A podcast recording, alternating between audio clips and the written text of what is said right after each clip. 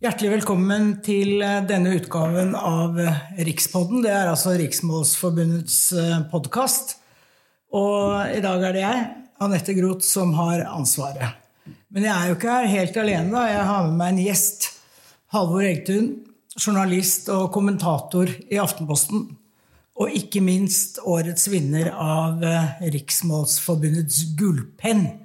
Gratulerer med det. Tusen, tusen takk. Hvordan er Det å få, det er en høythengende pris til deg. Hvordan er det å få det? Nei, det var jo kjempegøy. Rett og slett innmari moro. Og overraskende, selvfølgelig. Så jeg har, jeg har moret meg over det. Og eneste problemet med den er jo at jeg da må skjerpe meg mer. Det blir pinligere enn før å tulle seg bort i språkfeil og kommafeil og bli tatt på det. Så jeg prøver å være nøye på det. Men jeg har uh, invitert deg hit fordi vi jo har en felles kjepphest. Uh, en del vil kalle det Nor-English, et tema som vi begge er opptatt av. og det Altså det at det er veldig mye engelsk etter hvert blandet inn i norsk språk. Og eh, hvorfor ble du opptatt av det, egentlig? Det er vel bare en langvarig irritasjon. Det har vært så mange språkdiskusjoner i dette landet om uh, nynorsk og riksmål og bokmål og dialektbruk i NRK og mange ulike ting. Men dette er i særklasse den største og mest akutte tingen som bør diskuteres nå. Dette er en viktig sak. Jeg var uh, for en stund siden på tur uh, rundt Sognsvann. Og der traff jeg på et ungt par, da, og jeg overhørte det de sa. Han så på kjæresten sin, og så sa han Du, jeg er helt destroyed i legsa. det er nydelig.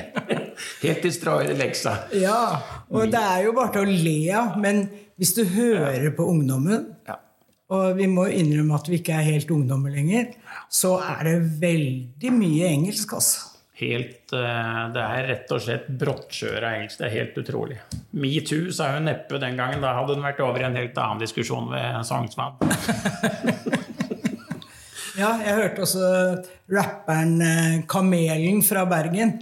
Som uh, snakket om at han hadde så mye issues da han var kid. Mm. Det er en del av de der. Men dette med ungdommen kan man bare le av det, eller, eh, eller tar de det med seg videre inn i voksenverdenen, tror du? De tar det nok med seg, og det er jo det er ikke dumt at de er gode i engelsk. Det er jo, Vi må ha med det også i sendingen. Det er jo et uh, fantastisk uh, positivt trekk ved det. At europeisk ungdom da kan møtes og finne ut av det med hverandre.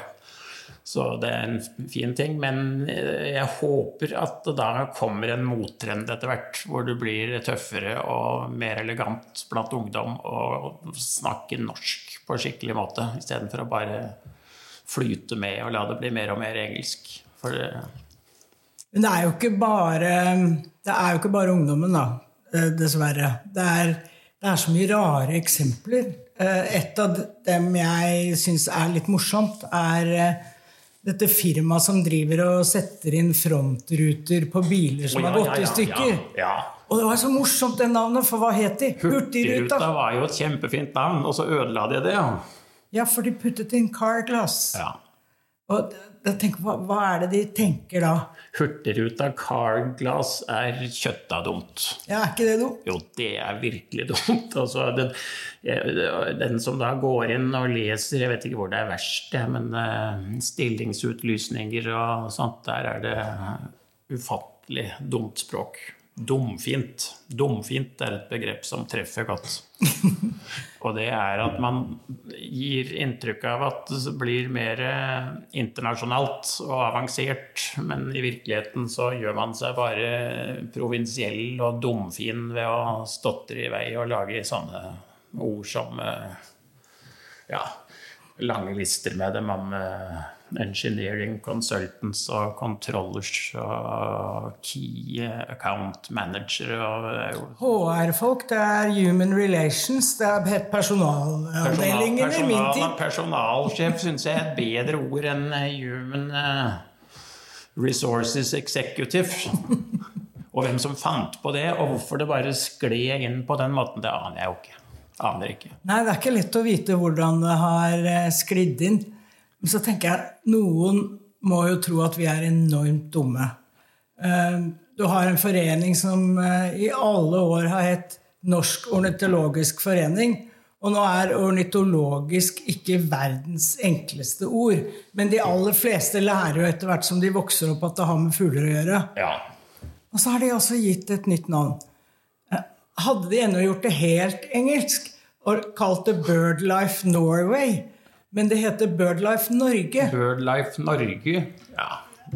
Veldig, veldig dumt. Men dette her, jeg har tenkt litt tilbake, og dette med engelske ord og uttrykk, det er jo ikke akkurat et uh, nytt problem, dette. Jeg husker fra ungdomsskoletid i Østerås, da hadde vi en lærer som bare snakket mye og lenge om dette og tok eksempler, men da var det jo Sånn jeg husker det, så tok de jo det på reklamespråk. Og da var det jo altså tannpasta og såpe og uh, aftershave og sånne Old Spice og alt som hadde noe med luksusartikler å gjøre. Der var det mye engelsk.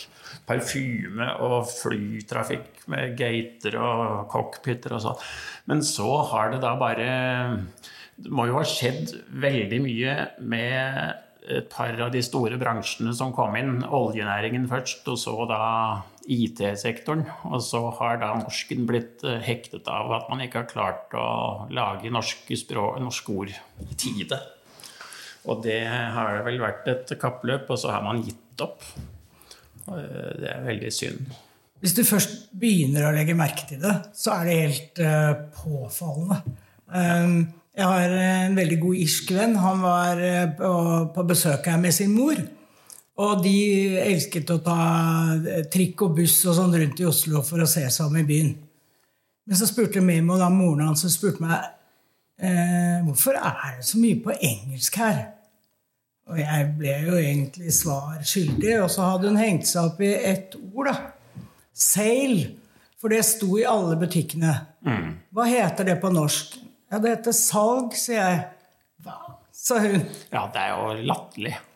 Det- Og det er, det er jo tankevekkende hvis da engelske og irske gjester kommer og syns at dette her eh, gjør landet litt mindre spennende å komme til, faktisk. Det er jo, det er jo mangfoldet som er gøyalt i Europa. Nettopp. Så, men der, eh, det var jo da innmari viktig, det, oppropet som det kom i, for to år siden, var det fra Riksmålsforbundet og Norges Mållag og bokhandlerne og, og forleggerne, vel, og Forfatterforeningen. Opprop da for å redde norsk som fagspråk. At man da gikk grundig gjennom eh, termene. Og da klarte å lage norsk ut av, eh, ut av fagspråk. Mye ligger jo der. Mye Ja, der. men det er jo masse engelsk fremdeles, da.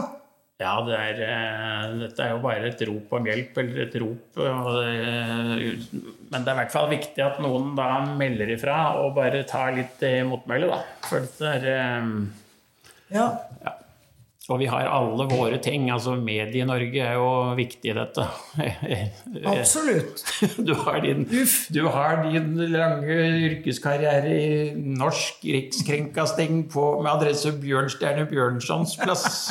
Norskere enn det får du det ikke. Gjør ikke det, vet du. Og da var det, og det er jo interessant å tenke på, da var det noen som på tidlig tidspunkt da skulle forholde seg til broadcasting, og da klarte å få til da rikskringkasting, som er noe av det mer krevende du kan eh, si. Veldig norsk. Og veldig sjarmerende. Ja, ja. Det syns jeg. Jeg tror ikke det blir eh, Men de flytter fra. Bjørnstjerne, de flytter fra Bjørnstjerne Bjørnsons plass til, til uh, One Lake Ensjø. Ensjø. Ensjø. Men det det er eh, Jeg fant noen eksempler her, altså fra f.eks. Eh, en kulturjournalist i NRK som var på Alltid nyheter, og så sier han i serien eller serien, serien Friends fikk med seg en veldig stor following. Ja. Og så har jo 90-tallet fått en sånn revival.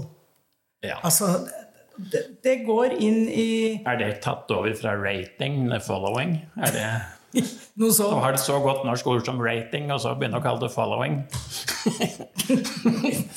ja. Altså, I Ekko så kunne du høre her var en kjønnsforsker ved NTNU som snakket om at den tradisjonelle forskningen er biased. Mm. Eh, Ja. Det, det er masse sånne fremdeles, da. Og så er det kommet noen nye inn på felter hvor det ikke burde være nødvendig i det hele tatt. Å høre på forsvarsminister og forsvarspolitikere er blitt uh, redselsfullt. De snakker da på inn- og utpust om kapabiliteter og kapasiteter. To flertallsord som jeg ikke begriper hvorfor man skal holde på med.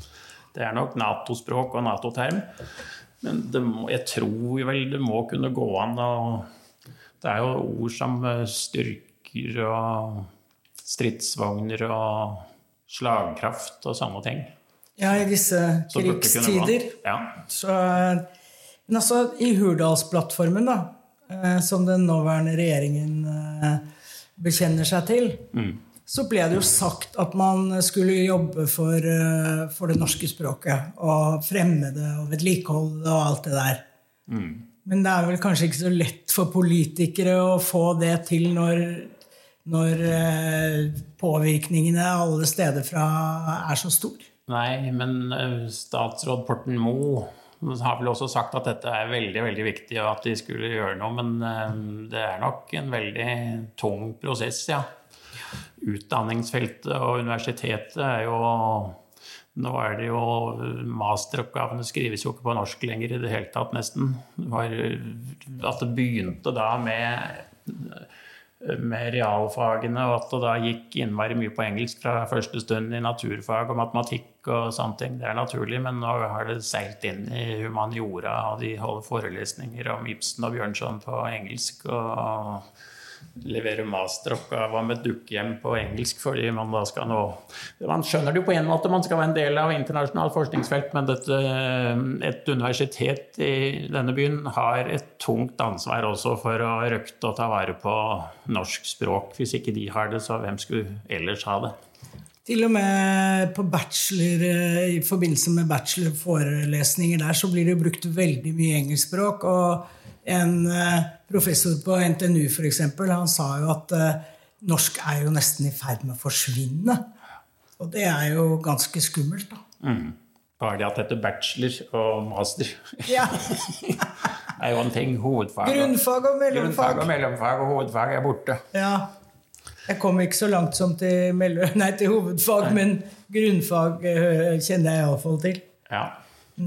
Nei, så det er eh, Det er faktisk eh, stort og sentralt og interessant tema. Hva man da kan gjøre. For det er der er hvis ikke Norge og nordmenn da Jeg er jo veldig varm tilhenger av internasjonalt samarbeid i nesten alle sammenhenger, men eh, akkurat det å redde norsk språk, det får vi ikke andre til å gjøre. Det må vi da gjøre selv. Må vi gjøre selv.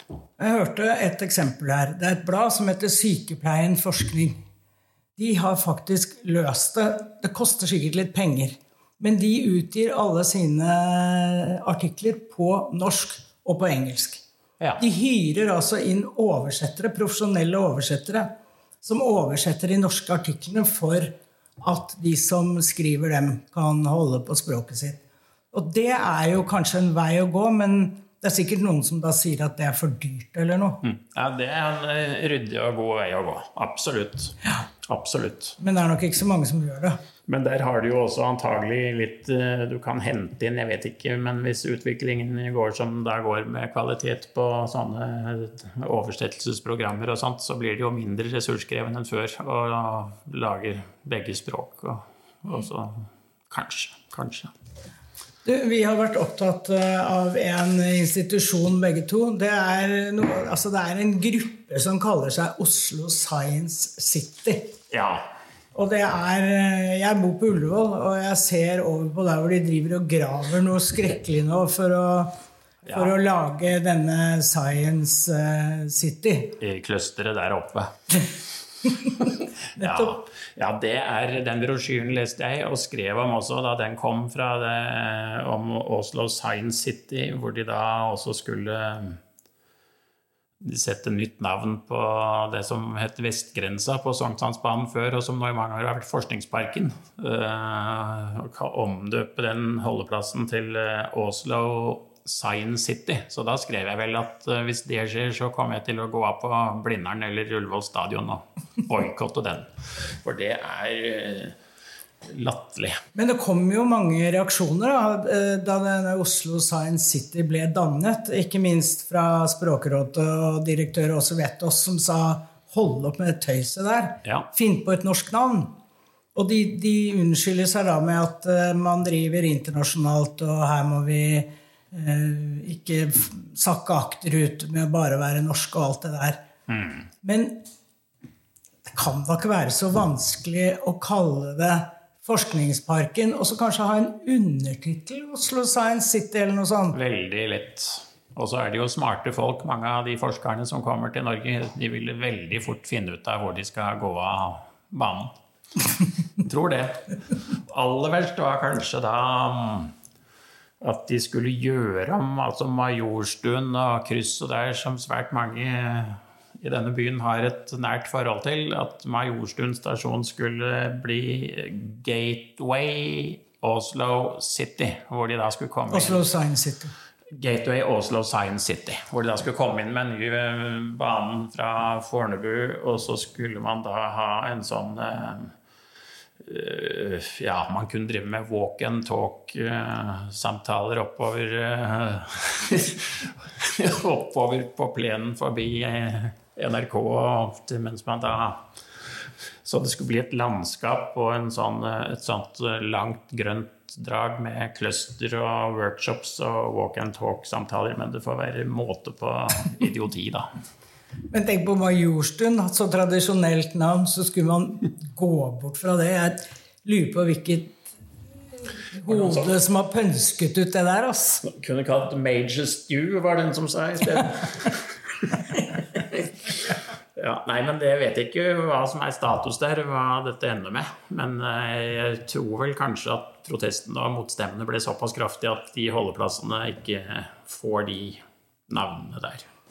Det er litt eh, tilsvarende med eh, et universitet her i byen som het høyskole, en høyskole, Høgskolen i Oslo og Akershus. Ja.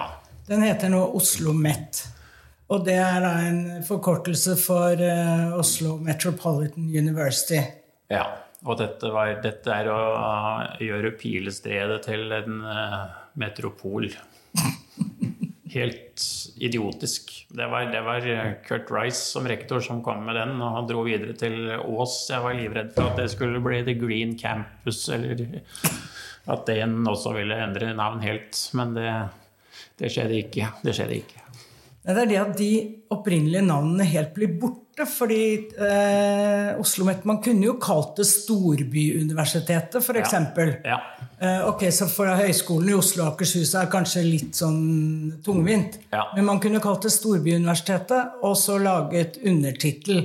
Akkurat som man kunne gjort med, med Forskningsparken. Hadde gått helt fint. Absolutt. Jeg skjønner ikke hvorfor de ikke har tenkt på det. Altså. Også Oslo Met, når de da også har meteorologisk også på Blindern, som da der har de irritert seg antagelig. Veldig. Mm.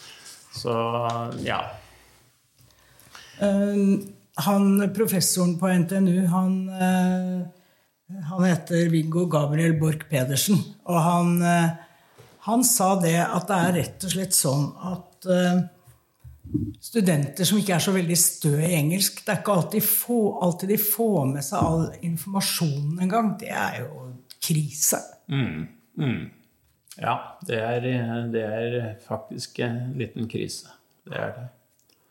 Men det er jo det er jo svært tett knyttet til da skjermbruk, selvfølgelig. Hvis det, da, hvis det kommer nå en eh, generasjon eller to og tre som da sitter til å ha eh, skjermtid på syv, åtte og ni timer om dagen, altså mer enn en alminnelig arbeidsdag, og det som plukkes opp og hentes, er jo engelsk nesten alt sammen, etter hva jeg skjønner. Da, jo, da skjønner man hvilke krefter man da snakker om. Og da kreves det faktisk en veldig nøye og gjennomtenkt strategi i skoleverk og i høyskolesektor og universiteter og i medier for å demme opp. Og vi har jo, jeg har jo nå da i juni så har jeg holdt på på heltid i 35 år i Aftenposten av Schibsted-konsernet og hatt utmerket Ikke noe vondt å si om Schibsted, det er for meg en strålende arbeidsgiver, men akkurat en liten høne å plukke med dem har jeg jo på akkurat dette, for her sitter man Jeg kan ikke skrive om dette uten å nevne at man sitter litt i glasshus. Skipsted er et kjempestort internasjonalt konsern hvor veldig mye må foregå på engelsk. Det er jo helt opplagt. De har, de har bedrifter i flere land og veldig mange fra ulike deler av verden også i Akersgaten. Men jeg har prøvd å ta opp at mer av internkommunikasjon og oppslag og plakater og tepper og sånt småtteri da i, eh, i Akersgaten. Må kunne gå på norsk, for det er jo da et internasjonalt konsern. Men i huset vårt så er det de to største avisene, det er nest, nest største mediehuset etter NRK. Og der sitter VG og Aftenposten og lever av og for norsk språk. Så min eneste kamp er egentlig å få rullet sammen en matte som folk går inn og er, står på i resepsjonen, hvor det står 'Empowering people in their daily lives'. er det sant? Ja. Og der hadde man kunnet veldig enkelt bytte ut og få en matte hvor det sto for åpenhet og demokrati, eller eh, noe sånt, som er eh, budskapet. Én ting er det norske språket, men uh, vi har jo også danske og svenske naboer. Og jeg har jo jobbet i utlandet i nesten 13 år med svenske og danske kolleger. Og det har gått veldig fint. Mm. Finnene er verre med. Det går ofte på engelsk, men eh, svenskene og danskene Når du først venner deg til det og legger godviljen til, så er jo ikke det så vanskelig. Men, men du har hatt problemer med det der? Ja, jeg synes jo det skandinaviske språkfellesskapet er jo en skatt. Det er jo veldig veldig verdifullt å ha to naboland som har nesten samme språk, og at man har utvekslingen av litteratur og film og alt. Men så dro jeg da det var jo en aparte reportasje. Jeg dro til Roskildefestivalen som 51-åring. For å skildre da hvordan man da kan debutere på Roskilde til fylte 50. Så jeg la meg inn i et sånt mini-opptrekkstelt og var tre netter i en av de mest grisete delene av teltleiren der. Og det var, det var fascinerende. For, men da la jeg merke til hvordan da Dette er jo hvordan norsk og dansk og svensk ungdom som da er der i tusenvis, de kommuniserte på engelsk. Og jeg gjorde forsøk da på å rusle rundt og snakke da med danske ungdommer òg, som da ristet på hodet og sa at dette skjønner de ikke noe av. Så snakke engelsk. Og jeg er jo ikke en som da snakker tung og vrien setesdalsdialekt eller fra, fra Sogn eller noe sånt. Det er ganske normalisert alminnelig. Men det var altså helt uh, håpløst. Og det er nedslående. Jeg tror kanskje noen sa at det som har skjedd etterpå med, med denne Skam-serien, at, at, NRK gjorde en flott jobb der da var det mange det, Men eh, de gamle Nordvisjonssendingene på TV, som da NRKs dominerende stilling, sånn, da fikk du automatisk svensk og dansk eh, inn, det drukner nok nå. Uh, og dette er et generasjonsspørsmål. Jeg tror ikke det er noe vanskelig å kommunisere for oss med, eh, med dansker og svensker i 60-årene. De henger fortsatt med, og er 50-åringer også, men uh, tenåringene har store problemer. Og det syns jeg er trist. Det er jo akkurat som nysgjerrigheten blir borte. For jeg husker mine foreldre hadde danske venner, og det var en del ord som jeg ikke forsto. Ja. Eh, og, og, du har hørt sånn Eh, danske, særlig danske ord da, som har vært vanskelig å forstå, men du spør jo hva er det? Mm. I stedet så snakker du engelsk. Det er som å gi seg altfor tidlig. da. Ja, det er å gi opp. Mm. Så jeg dro opp etter den turen til Roskilde, så var jeg oppe på, på Lysebu, som vel er et norsk-dansk eh, kultursenter i Holmenkollen, hvor det kom noen dansker og gikk løs på dette for å drilles og lære litt mer om eh, norsk veldig interessant. Så det var en danske der som jeg da ringte til vel og sa at vi har i hvert fall fortsatt noe fint felles, vi dansker og nordmenn, og det er dårlig engelsk. da gjorde jeg også en feil, for da tok vel med en reportasje for å finne noen danske noen sånne gøyale, sære språk som er vansende, ord som er vrient å skjønne på, på dansk. Og da skrev jeg at marsipangris på dansk heter eh, mandelmassenasse. Det var et slurvete Google-søk antagelig, for det kom veldig mange henvendelser etterpå som sa at nei, på dansk så heter pussig nok marsipangris marsipangris. Men du eh, Apropos Google Translate, forresten. Google Translate, Ja. Google oversetter. Mm. Der sitter det inni den sitter det en Norwenglish-elsker, altså. Det er jeg helt sikker på. Der Ja. kommer det jo så mye rart ut. veldig rare manuskripter. Og, jeg, og det gjør det sikkert også etter hvert med, med det vi ikke må kalle AI. Det er interessant. Det er, det er, dette er på vippepunktet akkurat nå, den kunstig intelligensen, om vi da skal ende opp med forkortelsen AI eller KI. Ja, Artificial intelligence. Eller kunstig intelligens. Jeg tror flere sier AI dessverre enn KI, men der tror jeg det skal være ikke for sent å sette inn støtet. Så eh, vår avis tror jeg nå kjører KI som forkortelse. Og det er den eneste opplagte. Men Og så vet oss direktøren i Språkrådet, han, hun skrev et sted at norsk kan ende opp som et kjøkkenbordspråk, skrev hun. Mm. Mm. at, alle, at det bare blir noe vi bruker hjemme, liksom. Ja, men hjemme bruker vi jo ikke dette hvis det fortsetter på den måten. Nei. Gjør ikke det. Da tar vi remote controllen og setter på siste, men eh, nei, jeg vet ikke. Jeg håper jo ikke det. Jeg håper ikke det. Også det jeg vel begynte nesten med å si, at jeg har en drøm eller et håp om en mottrend her, at det blir eh, morsommere. eh, For alle generasjoner og alle aldersgrupper, egentlig, å dra opp en del gjennomnorske ord og uttrykk. Du hører det jo på samtaler at de blir morsommere hvis du begynner å snakke om ting som er kultent og sjofelt og baselusker og mye. Det er morsommere enn å bare kjøre i vei med flat, alminnelig engelsk. Ja, men hvordan i all verden skal man få det til, når du ser hvor utbredt det er i næringsliv, i akademia, blant eh, oss alle? Mm, nei, ikke annet enn å bare At alle hver på sine poster og sine hjørner får bare si at dette må vi da klare å si på en annen måte. Ja, de prøver jo i akademia, og, og eh, politikerne har prøvd, og Språkrådet prøver hele tiden. Eh, Man må bare fortsette å prøve og prøve og prøve, da.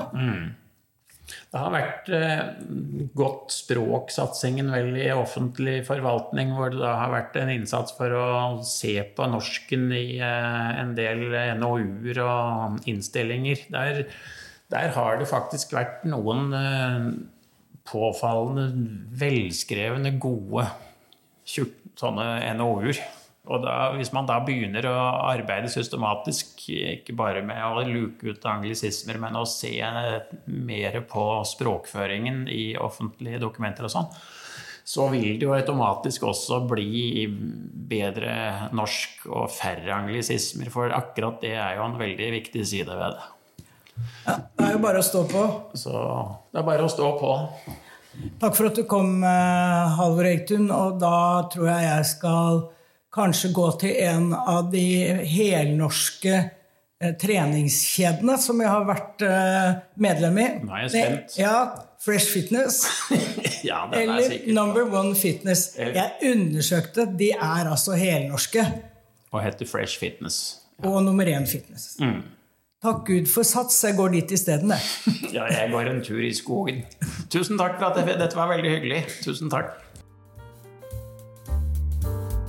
Rikspodden kommer på luften med sjenerøs støtte fra Tor. Dahls kulturbibliotek, Bergesen-stiftelsen og Fritt Ord.